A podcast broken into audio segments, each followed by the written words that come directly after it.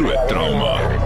Groot FM 90.5. Is Woensdag aan klein Saterdag. Ek is Pieter Kloete saam met Dr. Jaco van die kerk van Montana Med by die trauma eenheid en hy het ook sy eie praktyk. Welkom Jaco, lekker om jou weer te hê. Baie dankie Pieter. Goeienaand, goeienaand aan almal wat luister ook. Uh, ons gaan vanaand 'n bietjie gesels oor kanker en natuurlik 'n bietjie meer fokus op kinderkanker, nee Jaco. Ja, Pieter, ek dink kinderkanker is 'n moeilike onderwerp en ek dink selfs meeste van ons wat in medisyne betrokke is en en wat werk in in praktyke probeer om hierdie hierdie onderwerp te voor voor of te vermy en te voorkom om om ooit daarmee in aanraking te kom. Maar gelukkig is daar pediatriese onkoloog wat wat lief is daarvoor en wat 'n groot verskil maak in hierdie kinders se lewe. So ons gaan 'n bietjie daar gesels as jy enige vrae het. Ons het kenners in die ateljee en ons gaan hom 'n bietjie later aan jou voorstel en natuurlik Dr. Jaco van die kerk ook. So jy is welkom jou vrae aan ons te stuur by WhatsApp 061 610 4576 onthou standaard tariewe geld en jy kan ook vir ons uh, het ek nou die WhatsApp nommer gesê nê nee. Ja. en die SMS nommer is 49905 teen R1.50 per SMS. Ja, dis wat gebeur as 'n man multitask, jy weet. Vergeet mos wat aangaan. Ons uh, Facebook live ook seker 'n bietjie daar gaan loer na al die gaste en uh, ons het ook 'n vraag vir jou gevra op ons Facebook live.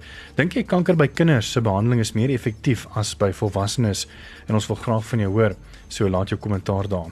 Ons kuier uh, net hierna weer verder en dan gaan ons sommer inspring met hierdie onderwerp vanaand. So bly ingeskakel. Groot trauma. Groot FM 90.5. Ons is ook tans op Facebook Live as jy wil saam kyk en luister en ons vraag aan jou is dink jy kanker by kinders se behandeling is meer effektief as by volwassenes? Jy is ook welkom vir ons jou Facebook Live ag jou WhatsApp vra vir ons te stuur by 061 610 4576 onthou standaard tariewe geld en ons hoor graag van jou. Saam met ons in die ateljee vandag is Dr. Anay Boegner. Ek hoop ek sê dit reg. Het ek dit reg gesê want ja, van 'n naam is nie my my uh, fortuin nie. En sy is van die Universiteit van Pretoria asook die Steve Biko Akademiese Hospitaal en sy is 'n pediatriese onkoloog. Baie welkom en dankie dat jy jou tyd afgestaan het om 'n bietjie by ons te kom kuier. Baie dankie Pieter. Kom ons val ons maar by die by die deur in die huis. Ehm um, hoe lyk as dit kom by statistiek met kinders en kanker? Kom dit baie meer gereeld voor as wat mense dink? En en hoe lyk die statistieke? Jong, baie min mense gaan eintlik daarmee in hulle lewenstyd ehm um, op wat afkom. In Suid-Afrika diagnoseer ons so omtrent 1200 kinders 'n jaar. Ehm um, dis nou in die hele land. Uh, ons weet wel dat as jy kyk na internasionale statistiek is dit veronderstel om omtrent dubbel die hoeveelheid te wees. So, ons weet daar word baie kinders nie gediagnoseer nie, maar um, so in as jy in die groot prentjie kyk, is dit eintlik baie skaars. Um, ons voel waar ons werk dat dit baie is want hmm. omdat daar so min eenhede in die land is wat daarna kyk, kry ons wel baie verwysings en sien ons baie pasiëntjies, maar dit is nie so algemeen nie en baie mense sal deur hulle lewe gaan sonder om ooit met iemand in aanraking te kom wat daarmee moes um, moes deel. Hmm. En kankers by kinders, ehm um, is dit maar ons leefstyl? Is dit die hormone in kos? Ehm um, wat, wat sê jy sê is die prevalence of die oorsaak van meeste van die kankers wat dan by kinders gediagnoseer word? Okay, so dis dit is baie anders as met volwassenes. As jy kyk na kanker in volwassenes, is daar baie keer oorsake. Jy kan 'n baie duidelike verband trek tussen 'n leefstylgewoonte en 'n spesifieke kanker en dit is baie duidelik bevind in navorsing. Met kinderkanker is dit baie anders. Daar is baie min ehm um, verband tussen leefstyl. Um, daar word baie gekyk in navorsing na uh met swangerskap en en blootstelling in swangerskap, maar daar's baie min reeds bewys. Ehm um, kinderkanker is iets wat maar net gebeur. So ons kan baie, weet ons kry natuurlik baie keer ouers wat ons vra, is dit iets wat ek verkeerd gedoen het? Wat het ek gedoen om hierdie te laat gebeur? En en meeste van die tyd is daar net niks wat ons eintlik kan sê nie. Dit gebeur met enige iemand enige geslag, enige ouderdom, uh, enige inkomste. So daar's regtig min wat jy eintlik kan kan sê dat hierdie die oorsaak is. Hmm. En van my kant af wil ek net vra, is daar 'n sekere assosiasie tussen byvoorbeeld sekere genetiese sindrome soos trisomie 21 of Down syndroom en sekere kankers? Ja.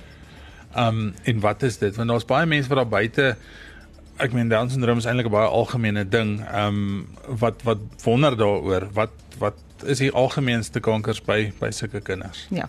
So daar is definitief 'n 'n 'n duidelike verband en die rede is maar omdat die genetiese materiaal nie heeltemal normaal is in daai ouetjies nie. So 'n Down syndroom ouetjie het abnormale um, gene, abnormale kromosome wat hulle meer vatbaar maak veral vir leukemie, veral vir bloedkanker. Ehm um, ook ander tipe kankers, maar in in Down syndroom spesifiek is daar 'n baie duidelike verband met met leukemie. Um, ander genetiese baie skaars genetiese sindrome is daar heelwat van en jy kan eintlik 'n lang lys daarvan vind wat baie baie skaars is maar waar daar baie duidelike um, verband ook is met sekere tipe kankers. En dan goed soos bestraling. Ek meen ons sien nou baie in 'n trauma situasie dat Boetie het nou van 'n van 'n van 'n trappie of van 'n bed afgeval, sy kop geval, nou wil maak hom vir 'n vir 'n breinscan en dit gebeur sommer maandeliks of twee maandeliks.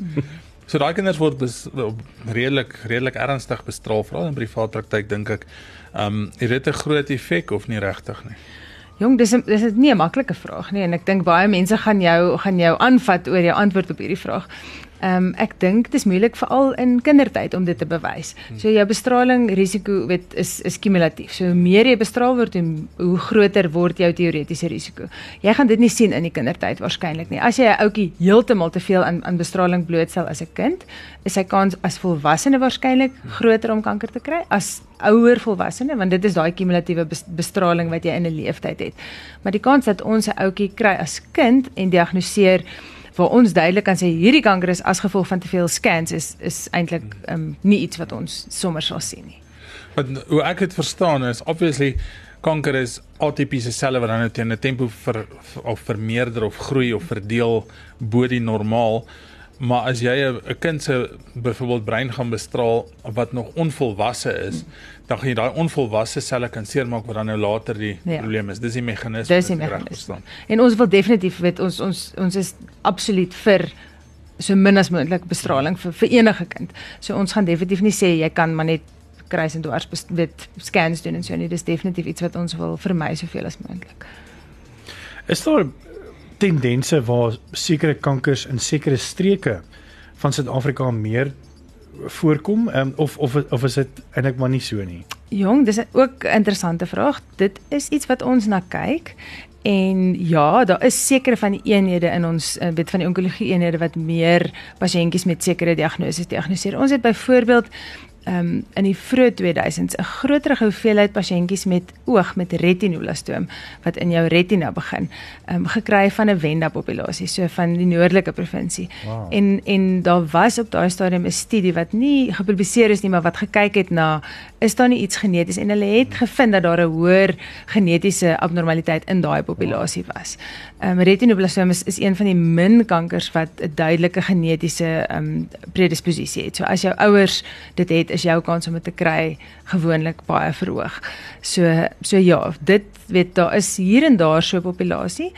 Ehm um, daar is ook byvoorbeeld 'n um, 'n populasie van ook ehm um, pasiëntjies in die Vrystaat met Fanconi anemie. Dis 'n uh, uh, ook een van daai skaars genetiese ehm um, toestande wat wat jou uh predisponeer tot leukemie en dit was daar's ook 'n groter populasie met Fanconi anemie in 'n sekere deel in die Vrystaat. So dis gewoonlik maar as jy 'n spesifieke genetiese abnormaliteit het wat dan veroorsaak dat jy meer 'n sekere tipe kanker sien.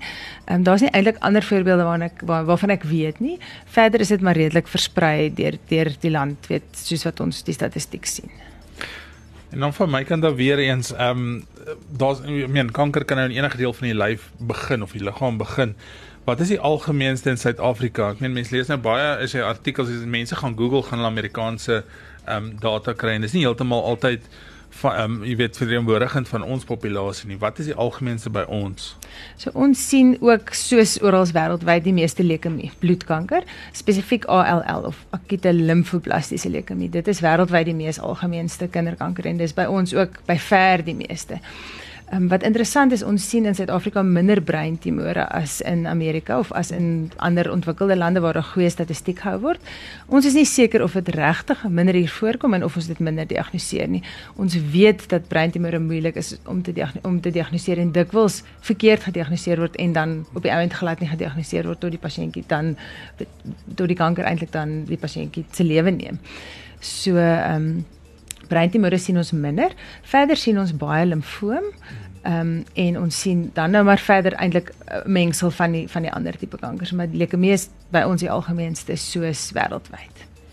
Ons is net hier naby terug ons Facebook live op vir 'n uh, Facebook live ook en ons vraag aan jou is dink jy kanker by kinders se behandeling is meer effektief as by volwassenes en ons hoor graag van jou.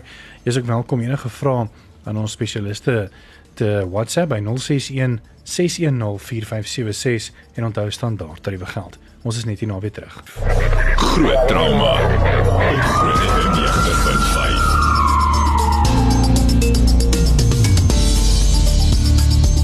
Welkom terug, dis Groot Trauma en ek is Pieter Kloete.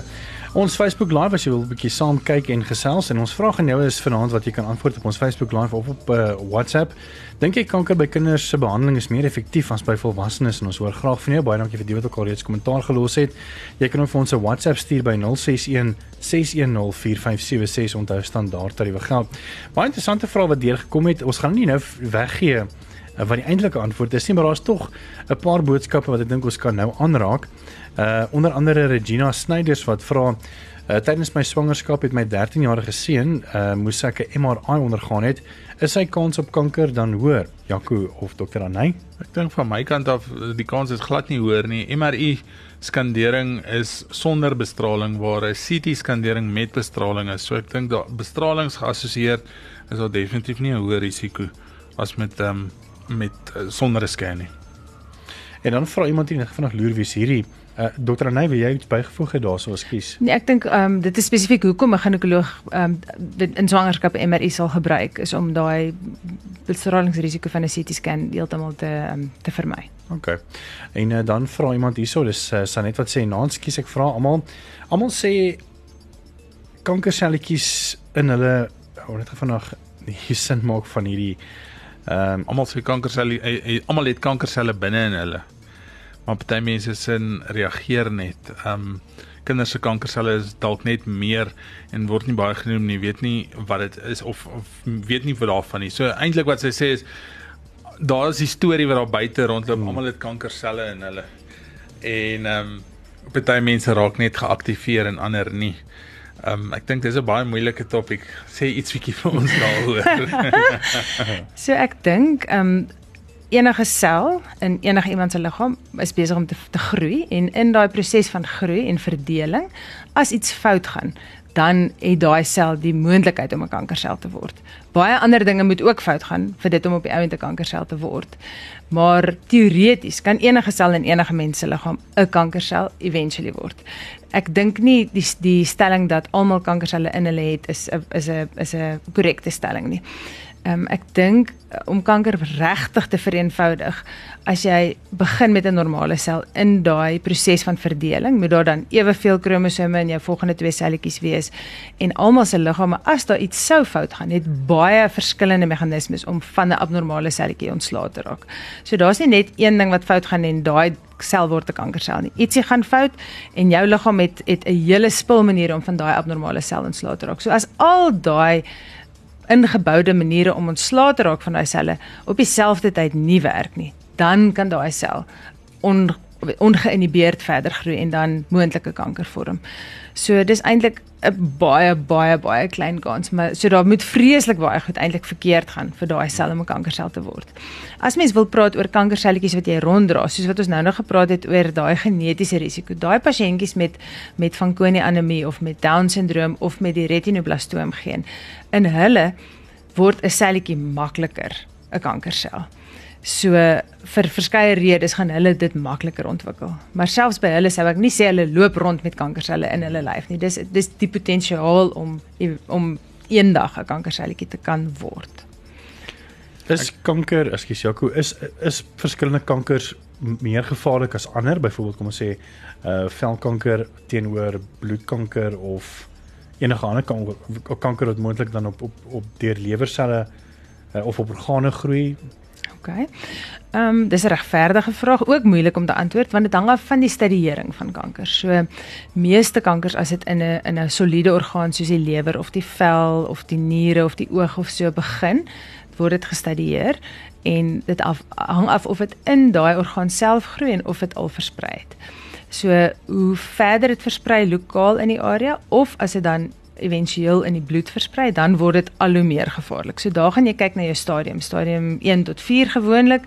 En as jy kom by stadium 4 beteken dit daai kankerselletjies het reeds in die bloed begin versprei en na verskeie areas van die liggaam al versprei, dan is dit 'n baie gevaarlike kanker. Maar om te sê 'n stadium 1 kanker in hierdie orgaan is is meer gevaarlik as 'n stadium 1 kanker in daai orgaan, is 'n moeilike vergelyking om te tref. Sekere kankers gaan makliker en vinniger na sekere organe. So as ons byvoorbeeld 'n ouetjie met um, Wilms tumor of um, nefroblastoom diagnoseer, sal ons omtrent altyd eers na die longe kyk want ons weet daai spesifieke kanker versprei gewoonlik eers na die longe.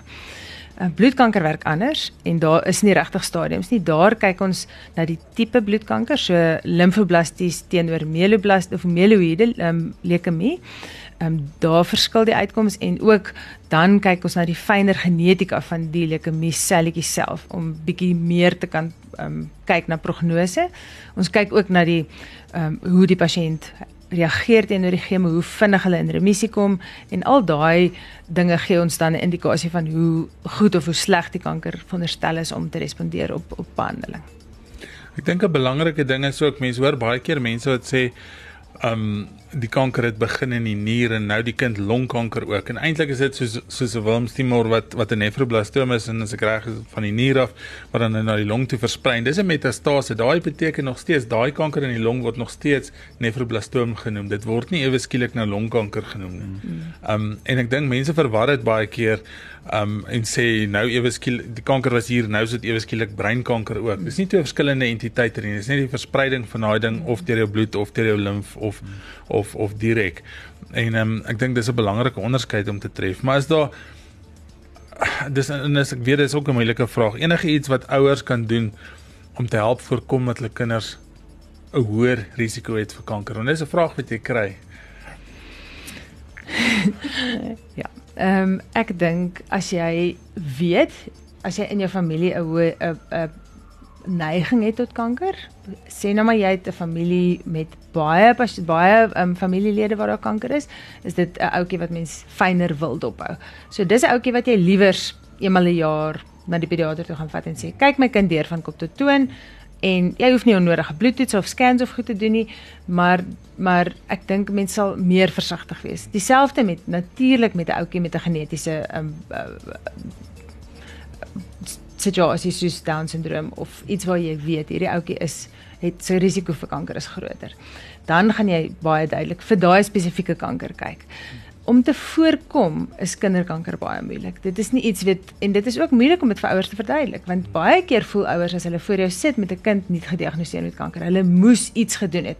Hulle moes nie purity gekoop het nie. Hulle moes nie dit gedoen het nie. Weet en en niks van daai het enige waarheid nie. Daar is baie min of eintlik nie regtig enige iets wat jy kan doen om te voorkom nie. Kyk, ons is altyd mense wil altyd vir ouers sê leef so gesond as moontlik. Eet so gesond as moontlik. Vermy om jou kind bloot te stel aan enige rook. Al daai goed is basiese advies en dit kan jy definitief vir ouers sê. Moenie rook waar jou kinders is nie. Want dit is iets wat mense altyd vir ouers moet sê as as 'n enige dokter. En en soveel as moontlik gesonde kos, maar jy wil ook hê jou kinders moet lekker groot word. Hulle moet normaal groot word. Jy wil nie jou kinders in 'n boksie sit en hulle aan niks blootstel. So dit is 'n moeilike vraag. Ehm um, maar daar is nie daar is regtig nie enige iets wat jy spesifiek vir ouers kan sê hierdie is wat jy moet vermy en dan gaan jou kind nie kanker kry nie want jy kry ook situasies waar die ouer kom en hulle het elke ding perfek reg gedoen. Ja.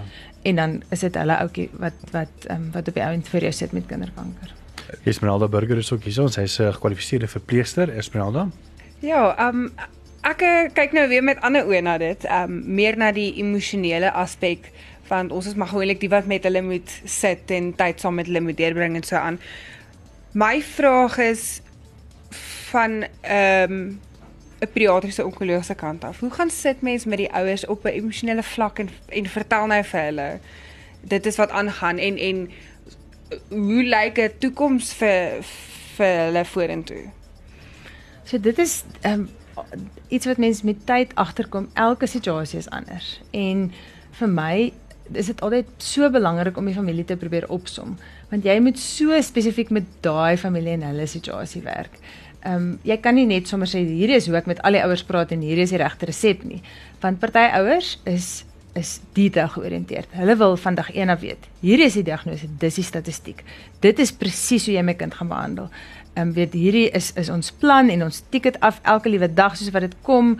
Ehm um, dit is die presiese langtermynrisiko's. Hulle wil alles so op papier hê terwyl ander ouers ehm um, glad nie daai detail wil weet nie. Hulle wil eerder net weet ons is op die regte pad. Dit is die diagnose, dis min of meer die behandeling en hier gaan ons in die in die proses in.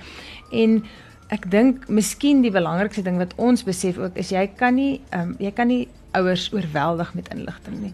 Want baie keer sit jy met hulle en jy sê jy het nou 'n uur en 'n half met hierdie mense spandeer en 'n week later sê hulle niemand het hierdie goed vir hulle gesê nie.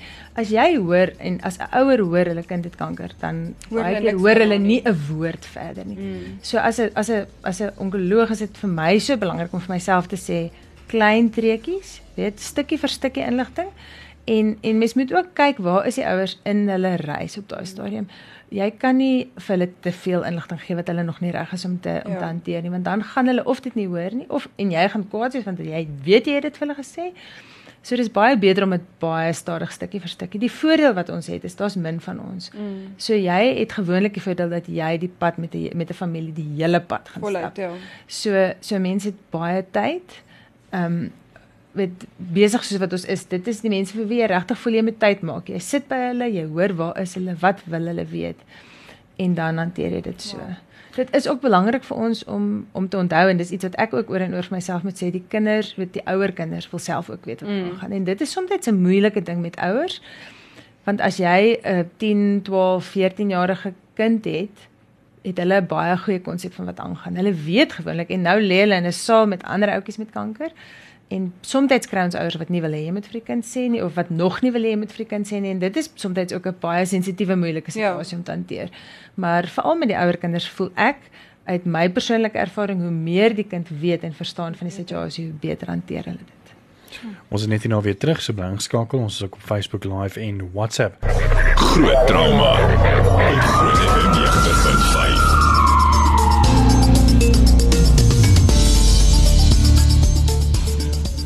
Terwyl Jaco uh, gou-gou weer deur van die boodskappe um, deurgaan uh, op Facebook en op ons WhatsApp, wil ek gou by jou vra uh, as 'n ouer met met kinders, raak dit nie jou om met weet kinders wat elke dag doodgaan om jou nie?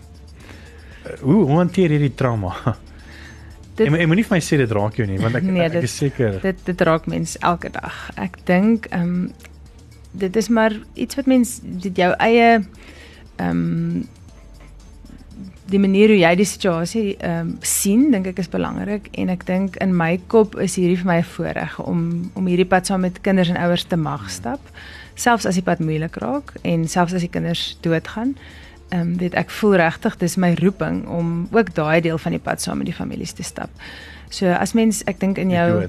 Ja, ek dink as jy in jou kop en in jou hart weet dat deel van jou roeping ook daai deel van die pad is, dan maak dit dit nie noodwendig makliker nie, maar dit maak dit meer hanteerbaar. Hmm. En en ek dink weet mens mens bid elke dag net vir regtig baie genade om te weet hoe om hierdie situasies te te ten beste te hanteer.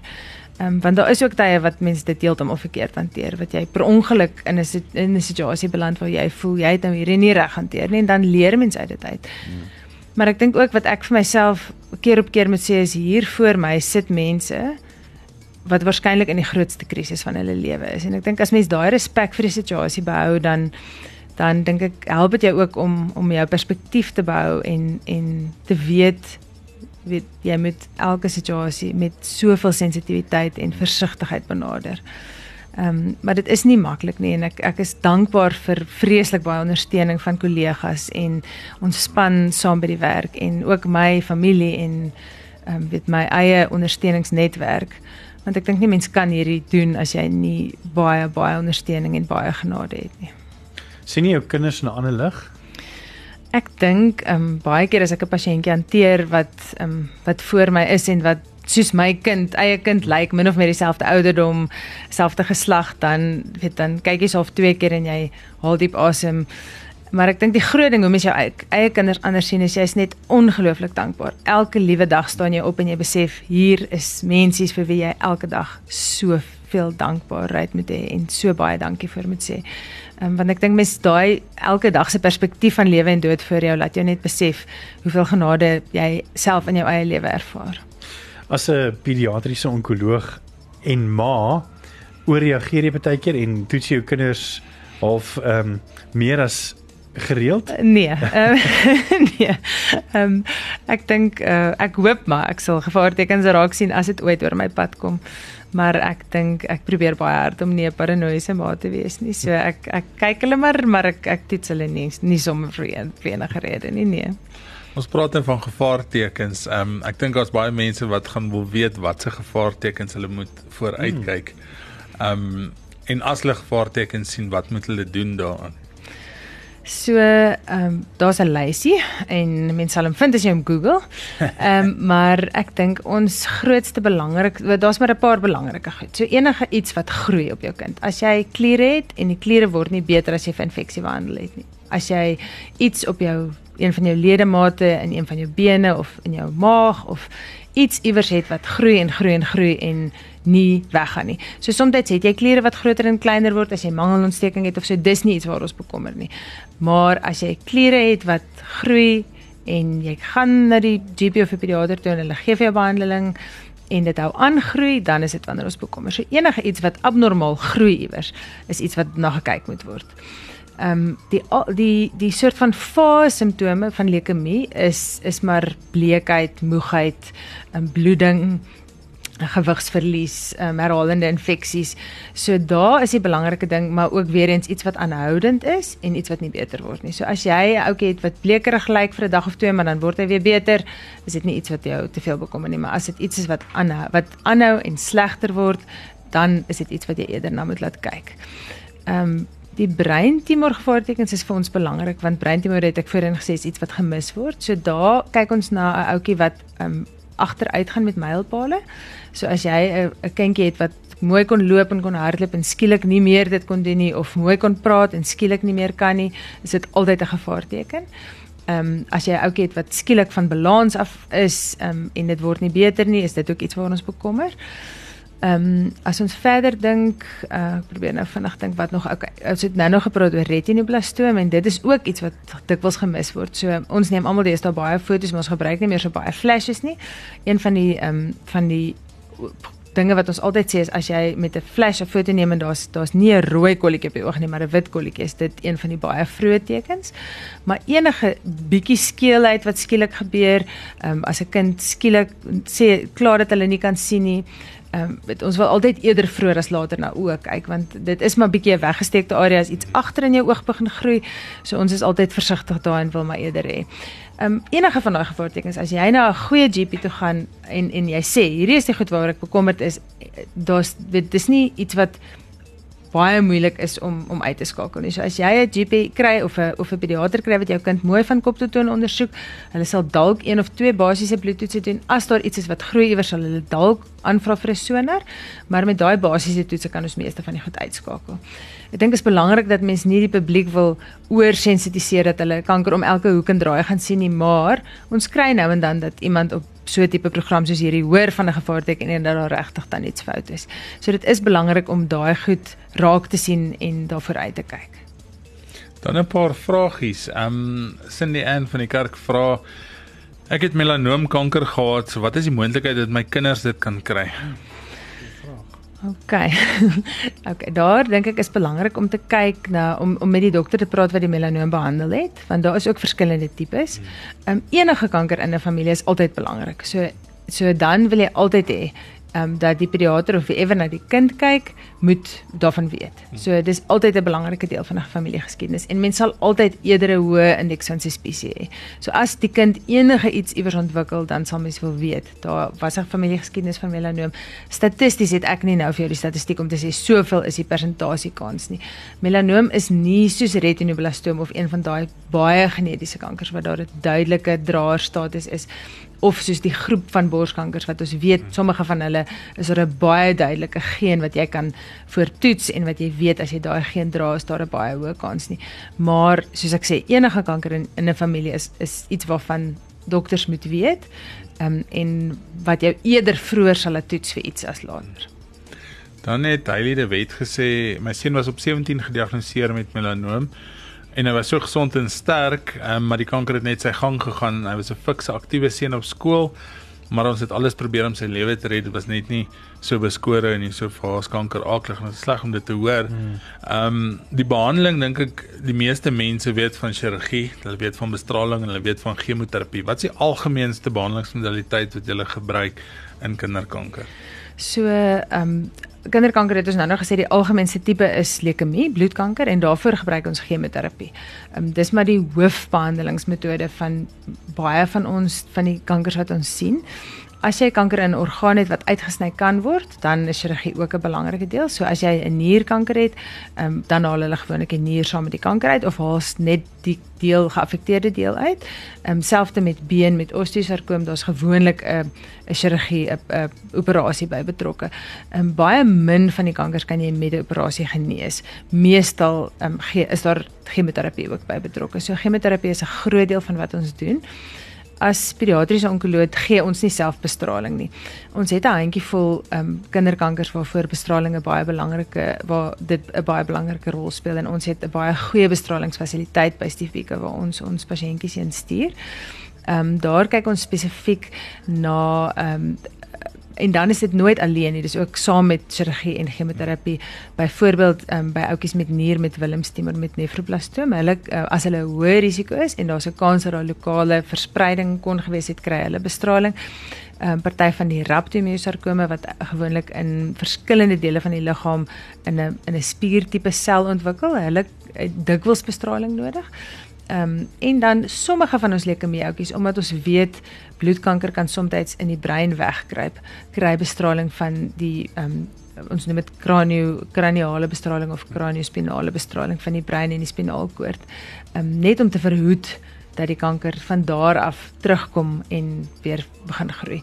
So daai is maar dit is maar die drie modaliteite wat ons meestal gebruik um, en by kinders is chemoterapie met of sonder chirurgie die die meeste bestraling wil mens soos ons nou nou gepraat het oor die bestralingsrisiko's bestraling wil jy eintlik soveel as moontlik vermy in hoe jonger slegter is jou langtermyn effekte van bestraling. So ons probeer veral nie enige kindertjies onder 3 jaar aan bestraling blootstel Dan dink ek sal 'n klomp mense wat ehm um, ek dink Pieter wil my seker nou al in die rede val maar 'n nee, nee, nee. paar mense wat wonder oor komplikasies van kankerbehandeling. Gaan my kind groei ehm um, jy weet groei inkorting hê? Gaan my kind leerprobleme ontwikkel as gevolg van chemoterapie en of bestraling en of chirurgie? Is dit 'n algemene ding dat mense komplikasies kry? Um, as gevolg van die behandeling en noodwendig die kanker nie. Ja. Ja, komplikasies is baie algemeen. Ehm um, chemoterapie is is baie sterk um, toksiese middels. En ek probeer altyd as ek vir ouers verduidelik sê, ehm um, jy moet die risiko van jou kind se lewe opweeg teen die neeweffekte wat ons kan verwag.